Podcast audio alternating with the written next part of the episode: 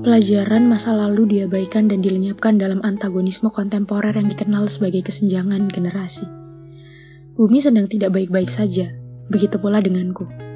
Ekonomi semakin memburuk, hidup tak teratur, pikiran hancur, dan rasa rindu kian bertambah. Menyiksa, benar-benar menyiksa. Pedagang-pedagang kecil dipaksa tutup pukul 5 sore. Anak-anak rantauan tidak diperbolehkan pulang ke kampung halamannya. Dan segala aktivitas lainnya juga dibatasi Mau bagaimana lagi? Tidak ada egaliter di dalamnya. Kesehatan adalah yang paling utama, dan kita melupakan bagaimana keadaan masyarakat di luar sana. Anak orang kaya mungkin tidak bisa merasakan betapa nyatanya krisis eksistensial yang dirasakan anak dari working class di zaman seperti ini.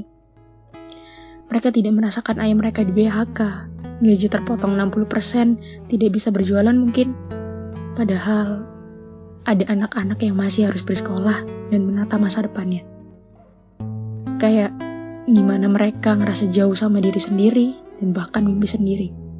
Dan tentunya rasa malu dengan lingkungan sosial karena tidak punya cukup duit. Seharusnya diskusi tentang ini lebih sering disajikan. Kita perlu lebih banyak membicarakan bagaimana bangunan sosial, politik, dan tentunya ekonomi yang kita bangun dan tempati sekarang ini bisa menciptakan kondisi yang memungkinkan bagi kita sebagai seorang individu. Ekonomi bahkan bukan hanya satu-satunya masalah. Ditambah rasa rindu terhadap orang yang kita kasihi, cintai, dan kita sayangi.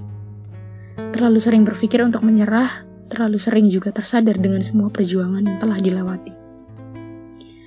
Kita di sini untuk mereka. Mereka yang kita rindukan, mereka yang semakin hari semakin menua, dan mereka yang selalu menaruh harapannya padaku. Bukan, bukannya aku kurang bersyukur. Bukan juga aku malu dengan keadaanku. Aku hanya bercerita bagaimana keadaan anak-anak menengah ke bawah saat ini. Aku, kamu, dan kita semua yang berada di fase ini tetaplah menjadi api di lautan yang penuh beku.